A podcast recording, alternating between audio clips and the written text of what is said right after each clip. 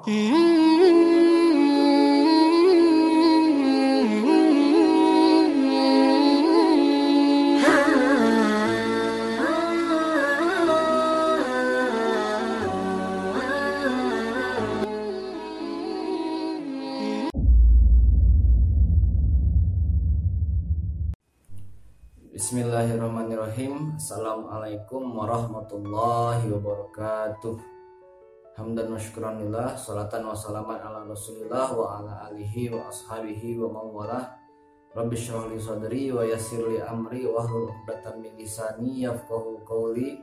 Allahumma anfa'na bima alamtana Wa alimna ma yanfa'una Wa zidna ilma. Anak-anak sekalian Bapak doakan semoga selalu dalam perlindungan Allah Subhanahu wa taala dan diberikan kesehatan di tengah wabah yang sedang eh, menghinggapi negara kita Indonesia. Baik pada kesempatan kali ini bertemu lagi dengan Bapak di mata pelajaran fikih untuk madrasah aliyah di kelas 12 untuk semester ganjil. Pada pertemuan ini kita akan melanjutkan tentang pembahasan sumber hukum Islam yang mukhtalaf atau sumber hukum Islam yang tidak disepakati. Pada pertemuan yang lalu kita sudah bahas tiga hal, ada istihsan, kemudian ada masalah mursalah dan ada juga istishab. Bapak harapkan ketiga ini kalian jangan sampai lupa minimal garis besarnya. Bapak review sebentar. Istihsan itu adalah menganggap sesuatu sebagai sebuah kebaikan itu bisa menjadi sumber hukum ada juga maslahah mursalah yaitu adalah maslahat yang tidak diatur oleh syariat tapi bisa berlaku juga sebagai sumber hukum. Kemudian ada istishab. Istishab itu adalah keberlakunya pemberlakuan hukum sebelumnya. Baik, eh, kita masih ada pembahasan tentang sumber hukum Islam yang muhtalaf. Eh, pada pertemuan kali ini kita akan membahas tentang yang pertama ada urf. Urf itu apa? Urf itu kebiasaan. Ada juga yang kedua adalah tentang syar'u man qoblana, yaitu syariat-syariat sebelum Nabi Muhammad dan yang terakhir nanti ada madhab sahabi atau disebut juga sebagai qaul sahabi. Nah, bagi Bapak hal ini agar kalian e, bisa menyimak secara seksama penjelasan pada pertemuan kita kali ini. Langsung saja kita bahas ketiganya. Baik, pada pertemuan kali ini kita akan melanjutkan tentang sumber hukum Islam yang tidak disepakati ada tiga yang ingin kita bahas yaitu ada urf ada syar'uman qoblana ada juga madhab sohabi bagaimana penjelasan ketiganya? Mari kita bahas sama-sama. Yang pertama ada urf. Apa itu urf? Secara bahasa memiliki arti adalah mata arafan nasa wasarawan alaihi. Artinya apa yang dikenal oleh manusia dan menjadi tradisinya baik ucapan maupun yang lainnya. Atau juga memiliki arti al-ma'rifah wal ma'ruf wa huwa al khairu wa rifku wal ihsan. Artinya kebaikan dan sudah diketahui yakni kebaikan dan perbuatan baik. Nah, jadi urf ini kalau secara bahasa itu kalau ditarik benang merahnya artinya adalah yang sudah diketahui ma'ruf ya, sudah dikenal. Adapun secara istilah pengertian urf adalah ma'tadahu jumhurun nasi wa alquhu min qaulin au fi'lin takarrara marratan ba'da ukhra hatta tamakkana atharahu fi nufusihim wasorot tetalakohu ukuluhum bil kubul yang artinya adalah apa-apa yang dibiasakan dan diikuti oleh banyak orang baik dalam bentuk perkataan maupun perbuatan berulang-ulang dilakukan sehingga berbekas dalam jiwa mereka dan diterima oleh akal mereka. Nah, menurut pengertian secara istilah ada beberapa hal yang bias, bisa kita ambil. Yakni adalah bahwa urf itu adalah apa-apa yang dibiasakan dan diikuti banyak orang. Kenapa disebut kebiasaan? Karena kebiasaan diambil dari pengulangan yang terus-menerus sehingga sama-sama dikenal dan diakui oleh banyak orang. Sehingga saat dilakukan orang lain pasti menerimanya. Contoh adalah anggukan kepala, tandanya setuju. Geleng-geleng kepala, tandanya tidak setuju.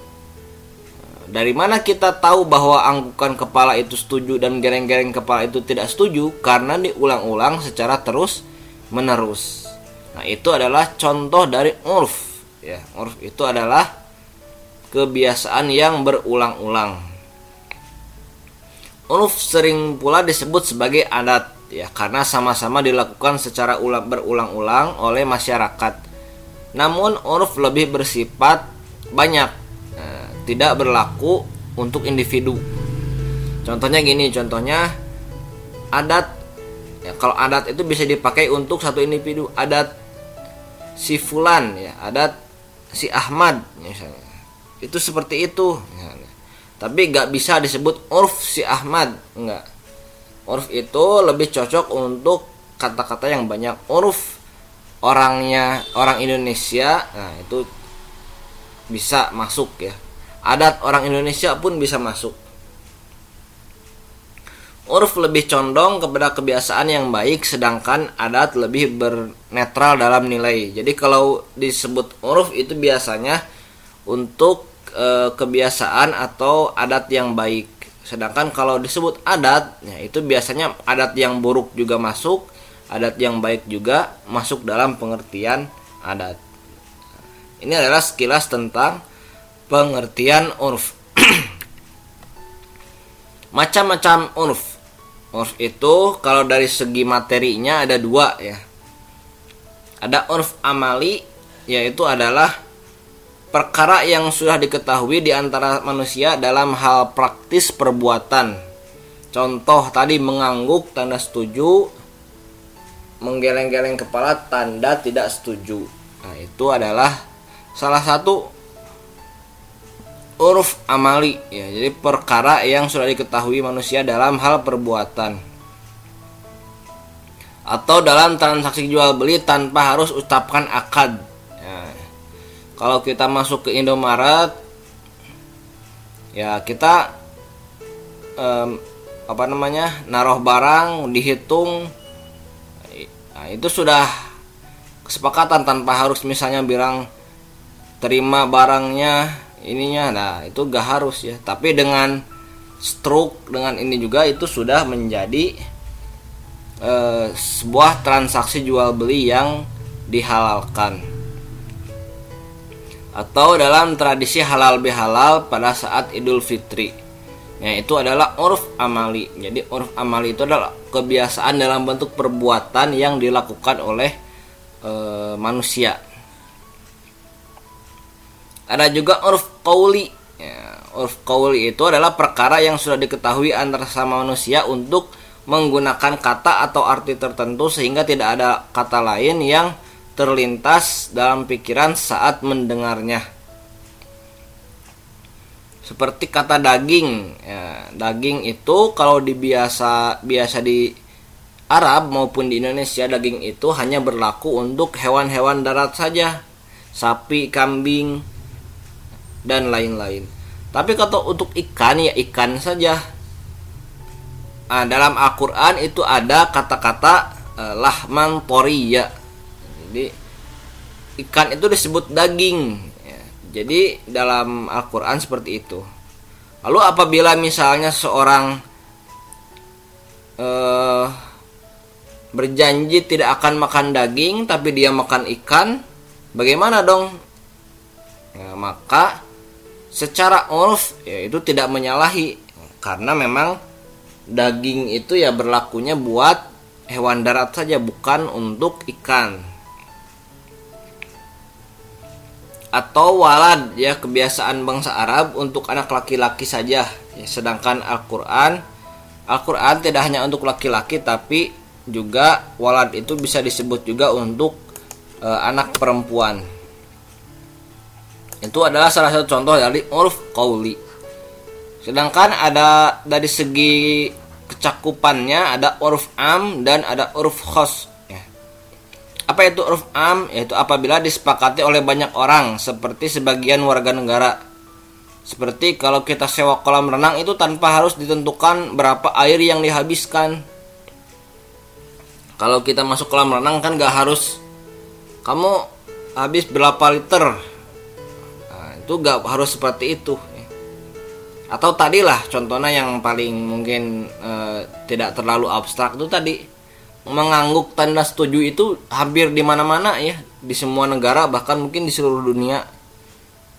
Ya.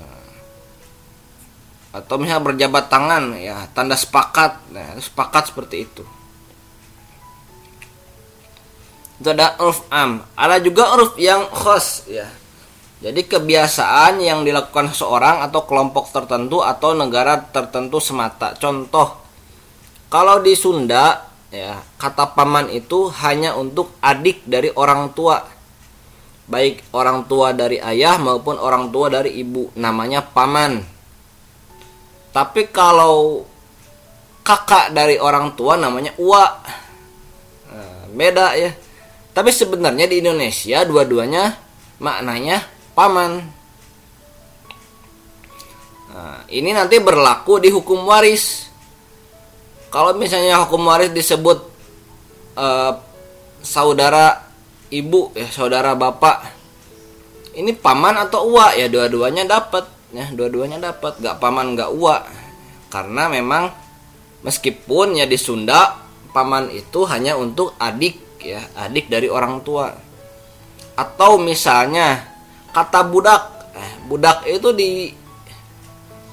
di Sunda itu bukan bukan apa namanya bukan sebuah hinaan untuk hamba sahaya bukan. Budak itu untuk anak kecil. Hei barudak ya budak nah, itu namanya adalah urf khos jadi berlakunya contoh ya bapak contohkan karena kita belajar di Bogor ya adalah tradisi dari Sunda. Nah itu adalah macam-macam urf Lalu apakah urf itu bisa dijadikan sebagai dalil hukum? Maksudnya bagaimana? Jadi apakah e, contoh urf yang tadi Bapak bahas ya? Apakah misalnya kalau seseorang berjanji tidak akan makan daging tapi dia makan ikan apakah dia melanggar sumpah tersebut? Nah, maka ada dua pembahasan. Yang pertama menurut dari madhab Hanafi, Maliki dan Hambali ya itu bisa menjadi dalil. Ya, jadi maksudnya kalau misalnya seseorang itu berjanji tidak makan ikan tapi dia maka eh tidak makan daging tapi dia makan ikan maka dia tidak melanggar sumpah meskipun dalam Al-Qur'an ikan itu termasuk lahmun ya termasuk daging karena secara urf ya, kebiasaan bahwa ikan itu tidak termasuk daging. Kenapa disebut seperti itu? Nah, karena disebut juga oleh Al-Qur'an khudil afwa wa murbil urfi wa a'rid anil jahilin. Ya, jadilah engkau pemaaf dan suruhlah orang mengerjakan yang ma'ruf ya, bil urf wa a'rid anil jahilin serta berpalinglah dari orang-orang yang bodoh. Mengerjakan yang ma'ruf itu menunjukkan kewajiban untuk kembali kepada kebiasaan manusia atau pertimbangan adat masyarakat. Maka ada hadis mar'ahul muslimuna hasanan bahwa indallahi hasan. Apa yang dianggap baik oleh kaum muslim maka baik pula di sisi Allah. Nah, itu adalah e, ma'ruf ya, urf. Jadi sepakat dijadikan sebagai dalil hukum. Tapi ada juga yang menolak Ya, di antara adalah pendapat dari madhab Syafi'i. Adat atau uruf tidak menjadi sumber hukum kecuali disetujui oleh para penerimanya atau adat tersebut membawa bukti kepada kebenaran. Itu menurut madhab Syafi'i.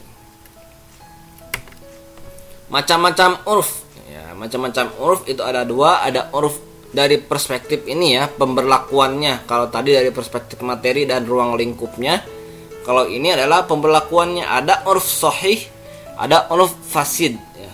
urf sahih itu apa? Urf kebiasaan yang dilakukan oleh manusia yang tidak bertentangan dengan syarat. Tidak menghalalkan yang haram dan tidak membatalkan kewajiban. Contoh kita di Indonesia itu ada namanya halal bihalal saat Idul Fitri. Kalian boleh datang ke Arab Saudi ya ke negara-negara Arab misalnya. Apakah ada halal bihalal ya mungkin dalam bentuk bentuk biasa silaturahmi ada ya, tapi semeriah di Indonesia itu tidak ada. Mudik ya. Berkumpul keluarga. Nah itu sangat-sangat khas Indonesia. Lalu apakah halal bihalal itu dilarang? Karena tidak ada contohnya dari nabi misalnya. Ya tidak. Itu hanya kebiasaan dari masyarakat nah, maka nanti ada namanya kaidah al-adah al-muhakkamah. Bahwa adat itu bisa menjadi berlakunya suatu hukum. Atau memberi hadiah saat senang. Ya, memberi hadiah saat senang atau mendapatkan kabar baik dari orang lain. Bapak kemarin misalnya baru punya anak. Ya ternyata itu tetangga itu wah alhamdulillah ya di Indonesia banyak yang nyecep istilahnya ya. Ngasih uang ngasih apa karena mungkin mereka ikut berbahagia. Padahal itu nggak wajib juga ya. Tapi di Indonesia adatnya seperti itu. Memberi hadiah kepada orang yang sedang uh, punya kesenangan itu tidak apa-apa tidak apa-apa ya. Atau misalnya dalam hal lain seperti mas kawin dibagi dua misalnya kalau misalnya ada ya seperti itu itu tidak bertentangan juga atau misalnya tidak mau berbulan madu kalau mas kawinnya belum e, lunas ya. mungkin ada yang dicicil mas kawinnya itu boleh-boleh saja tapi ada juga urf yang fasid. Urf fasid itu apa? Kebiasaan yang dilakukan oleh manusia tetapi bertentangan dengan syariat. Menghalalkan yang haram dan membatalkan kewajiban. Contoh, mengadakan pesta dalam pesta tersebut ada khomer, ya ada minuman kerasnya. Pak, itu kan kebiasaan di barat seperti itu. Kalau pesta itu pasti ada minuman khomernya. Tadi kata Bapak, kebiasaan itu bisa menjadi hukum Nah, dilihat dulu ya apakah kebiasaan tersebut bertentangan atau tidak dengan syariat. Kalau dilihat dari perspektif tadi, minuman keras jelas hukumannya qot'i ya. Qot'i itu pasti dalam Al-Qur'an hukumnya adalah haram. Nah, maka menghalalkan yang haram nah itu pasti membuat urfnya itu fasid. Fasid itu apa? Fasid itu rusak Artinya tidak diterima urf seperti ini, kebiasaan seperti ini. Atau berjudi untuk merayakan suatu peristiwa. Ya. Ya banyak ya judi bola, ya judi apa. Atau misalnya kumpul kebo ya dulu ya. Atau mungkin ya di Eropa itu kan udah udah kayak seperti kebiasaan ya orang pacaran udah punya anak tiga baru menikah ya aneh juga sih sebenarnya Nah, hal seperti itu tidak bisa disebut uruf yang diterima dalam Islam karena bertentangan dengan prinsip-prinsip syariat. Beda dengan uruf yang di atas. Hukum pada kaidah uruf. Nah, jadi uruf itu ingin Bapak bahas secara banyak komprehensif ya karena memang ini e, cukup menarik menurut Bapak ya kaidah uruf ini. Ada beberapa kaidah urf yang menyatakan ada al ma'rufi urfan kal masyruti syarton as-sabitu bil ma'ruf kasabitu bin nas. Nah, yang dikenal menurut kebiasaan seperti halnya ditetapkan dalam syarat yang ditetapkan menurut syarat ditetapkan dalam nas. Nah, ini agak bingung juga ya e, terjemahannya karena Bapak juga ini apa namanya? e, ikut dalam buku terjemahannya eh, maksudnya seperti ini ya ada syarat misalnya syarat uh, untuk seseorang ya, maka uruf juga bisa berlaku untuk seseorang tersebut atau misalnya gini lah al adah al muhakkamah ya. Adat bisa menjadi dasar pemberlakuan hukum. Contoh tadi ya, ada eh, perilaku halal bihalal dan sebagainya. Atau misalnya adat yang menang, mengandung maslahat di Indonesia kalau menikah itu harus dicatatkan di KUA karena apa? Karena itu untuk mencegah mendolimi dari pihak wanita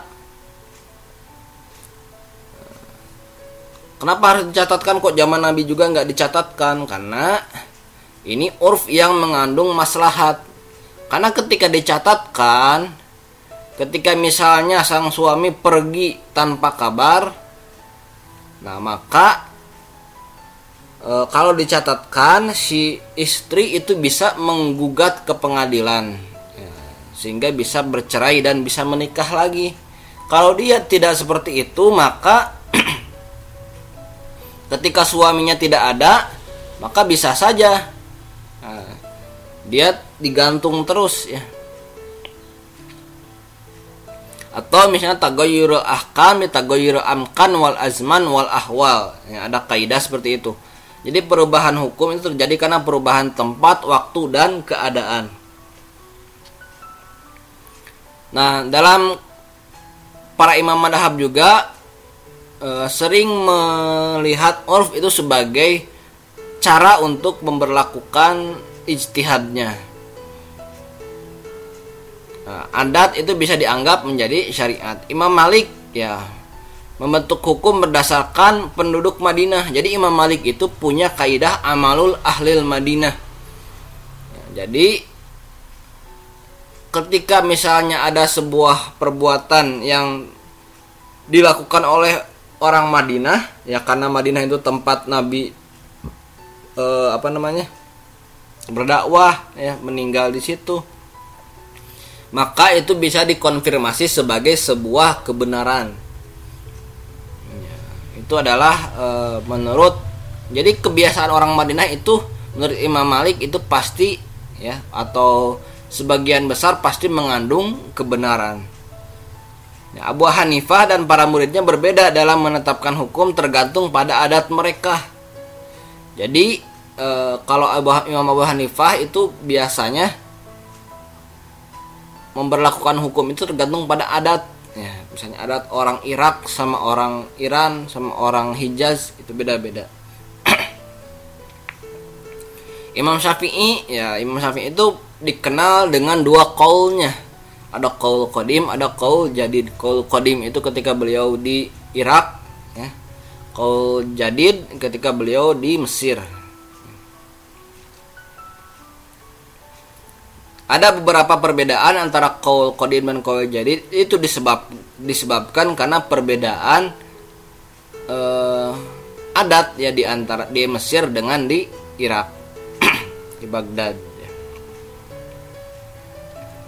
Oke, selanjutnya adalah tadi kita sudah bahas tentang urf. Selanjutnya adalah syar'u man qoblana. Apa itu syar'u man qoblana? Syar'u qoblana itu adalah syariat-syariat pada nabi sebelum Nabi Muhammad wasallam. Setiap nabi yang diutus di dunia membawa syariat masing-masing. Seperti syariat Nabi Musa untuk Bani Israel. Pada konsep umumnya, pada hakikatnya Al-Quran Subhanahu wa taala, Allah Subhanahu wa taala mengutus para rasul menurut menurut me, apa namanya? mengutus para rasul dan menurutkan kitab-kitabnya menurunkan ya mohon maaf ya sebagai petunjuk dan cahaya bagi seluruh alam. Oleh karenanya dalam hal hal akidah pada dasarnya sama ya. Dari zaman Nabi Adam ya sampai Nabi Muhammad itu pada dasarnya sama, tetapi dalam hal syariat ada beberapa yang berbeda. Seperti ditegaskan dalam Al-Qur'an, "Likullin ja'alna minkum syir'atan wa minhaja." Bagi setiap umat itu dijadikan syariat dan minhaj. Lalu apakah semua syariat zaman dulu itu berlaku juga zaman Nabi Muhammad ya atau semuanya ditolak? Nah, ini ada beberapa konsepnya ada syariat nabi-nabi terdahulu dan ditetapkan kembali oleh ajaran Nabi Muhammad. Contohnya adalah puasa ya, dan hitan. Ya, hitan itu zaman Nabi Ibrahim ya. Nabi Ibrahim ya diceritakan kan pernah ya beliau berhitan eh, pada saat beliau berusia besar ya usianya udah tua ya. Atau ajaran puasa puasa ini sebenarnya udah sudah berla, apa berlangsung di beberapa umat sebelum Nabi Muhammad nah itu adalah syariat yang dilakukan oleh nabi-nabi terdahulu atau disyariatkan oleh nabi-nabi terdahulu tapi ditetapkan pula sebagai ajaran pada ajaran Nabi Muhammad. Tapi ada juga syariat yang dilakukan oleh nabi terdahulu tapi dihapus oleh ajaran Nabi Muhammad. Contohnya adalah bunuh diri sebagai cara taubat dan menghilangkan najis dengan memotong kain. Ini adalah seperti dalam Nabi Musa dan Nabi Isa ya umatnya Nabi Musa dan Nabi Isa. Nah, pada syariat kedua ini wajib ditinggalkan atau dilakukan oleh umat Nabi Muhammad. Tapi ada juga syariat yang tidak dijelaskan apakah diberlakukan atau dilarang. Nah, seperti dalam contoh ayat kisos. Ya, ayat kisos ini lebih ke cerita ya cerita tentang umat terdahulu bahwa umat terdahulu itu ditetapkan kisos hukum bagi mereka nah apakah berlaku juga bagi kita ya pendapat pertama para ulama bersepakat bahwa kisah syariat umat terdahulu dalam Al-Quran meski tidak secara tegas ya diberlakukan atau ditolak tetap berlaku sebagai sumber hukum bagi umat Nabi Muhammad. Jadi eh, meskipun apa namanya eh, dalam bentuk cerita seperti tadi ya cerita tentang ditetapkannya kisos ya bagi umat bagi bani Israel. Wa katabna alaihim anna nafsa bin nafsi nah, dan seterusnya nah, maka itu adalah eh, berlaku juga untuk umat Nabi Muhammad. Adapun pendapat kedua, sebagian kecil ulama berpendapat bahwa syariat yang tidak memiliki persetujuan atau penolakan dalam Al-Quran dan hadis bukan merupakan sumber syariat. Ya, mereka berpendapat bahwa syariat tersebut berlaku untuk sebagian mereka saja. Jadi eh, di beberapa penjelasan justru Eh, saruman koblana ini disebutkan kalau misalnya bentuknya cerita yang tidak ada jelas apakah diberlakukan atau tidaknya itu hanya untuk untuk umat mereka saja tidak berlaku untuk umat Nabi Muhammad. Itu adalah syar'uman koblana. Selanjutnya ada madhab sahabi ya madhab sahabi setelah pengertian adalah kadang disebut pula dalam kitab-kitab fikih itu ada madhab sahabi ada qaul sahabi itu adalah merupakan kumpulan pendapat dan pemikiran para sahabat tentang suatu hukum fikih dan bukan merupakan ijma di antara mereka. Apa itu sahabat? Sahabat itu adalah orang yang pernah bertemu Nabi dalam keadaan muslim. Ya, ini penting harus diketahui ya. Gak semua orang yang pernah bertemu Nabi disebut sahabat ya Abu Jahal, Abu Lahab itu pernah bertemu Nabi tapi tidak disebut sahabat karena dia tidak dalam keadaan muslim. Nah, para sahabat ini secara pandangan umum ya setelah wafat Rasul muncul beberapa persoalan fikih yang memerlukan jawaban. Sahabat sebagai orang yang bertemu dan lama bergaul dengan Rasulullah SAW memberi fatwa dan menetapkan hukum terhadap berbagai macam persoalan. Di antaranya ada yang dibukukan dan dikodifikasi oleh para tabi'in sehingga terkadang bercampur dengan hadis. Ya, ada namanya hadis maukuf. Ya, maukuf itu adalah hadis yang berhenti periwayatannya pada masa sahabat. Ya, jadi sebagai konsekuensi setelah Nabi itu ternyata banyak masalah fikih lain, maka dijawab hal tersebut oleh para sahabat. Eh, ada beberapa macam kaul sahabi. Ya, yang pertama adalah kaul sahabi yang merupakan hadis dari Nabi. Jadi ada beberapa hadis maukuf ya, yang disandarkan kepada para sahabat. Hadis mauquf itu apa? Jadi tidak terputus di sahabat tidak sampai ke nabi. Ya, tidak ada riwayatnya. Misalnya sami itu Rasulullah SAW atau kola Nabi Wasallam. Tapi hanya dari pendapat sahabat tersebut. Ada juga kaul sahabi yang merupakan ijma ya ijma. Jadi e, contohnya ya contohnya adalah e, diberlakukannya Abu Bakar misalnya sebagai seorang khalifah ya. itu ijma sahabi ya.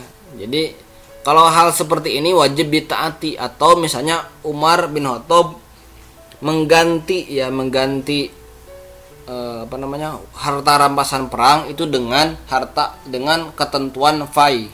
Ya. apa itu ketentuan fai? Nanti kita akan bahas ya. Nah adapun yang disebut dengan kaul sahabi yang dibahas di sini adalah kaul sahabi yang bukan merupakan bagian dari hadis dan bukan juga merupakan bagian dari ijma. Tapi kaul sahabi yang merupakan pendapat individu dari sahabat ataupun tidak individu tapi pendapat yang bukan ijma. Jadi ada sahabat yang menyelisihi pendapat tersebut. Nah, untuk pendapat-pendapat seperti ini apakah apakah diterima sebagai sumber hukum atau tidak? Ada beberapa jawaban. Yang pertama untuk Imam Abu Hanifah dan Imam Malik menyebutkan bahwa harus memilih salah satu dari pendapat sahabat tersebut karena tentu sahabat itu adalah orang yang lebih utama. Ya, wasabiqunal awwaluna minal muhajirin wal ansari wal ladina tabauhum bi ihsan radhiyallahu anhum wa an. Jadi para sahabat itu adalah orang-orang yang diridhoi oleh Allah dan Allah ridho kepadanya. Nah, jadi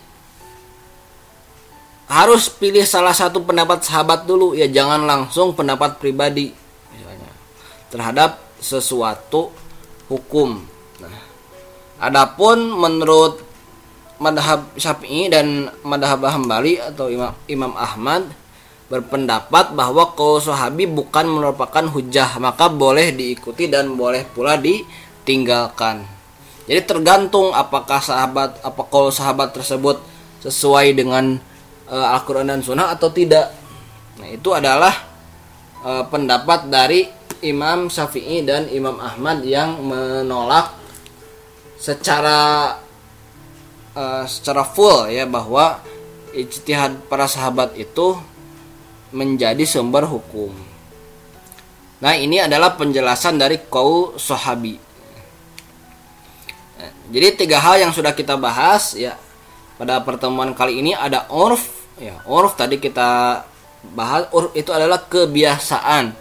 Nah kebiasaan ini bisa menjadi sumber hukum al adah al muhakkamah. Contoh tadi ketika seseorang yakin atau bersumpah dia tidak makan daging tapi dia makan ikan Padahal ikan itu disebut juga daging dalam Al-Quran Maka yang berlaku adalah urf ya Kebiasaannya maka tidak melanggar sumpahnya Kalau dia makan ikan. Yang kedua tadi ada e, Syar'uman qoblana. Jadi syariat-syariat sebelum Nabi Muhammad. Ada beberapa syariat yang masih berlaku dalam kita Seperti ada puasa dan ada khitan. Ya, Khitan itu e, disunat ya sunatan lah hitan itu ya. Ada juga kol sahabi. Ya kol sahabi itulah pendapat para sahabat. Jadi ketika sesuatu yang tidak ada dalam Al-Quran dan hadis atau disebut juga nas maka dicari pendapat sahabat terlebih dahulu apakah ada atau tidak. Nah, itu adalah yang dimaksud dengan kol sahabi. Oke, sekian. Billahi haq wassalamualaikum warahmatullahi wabarakatuh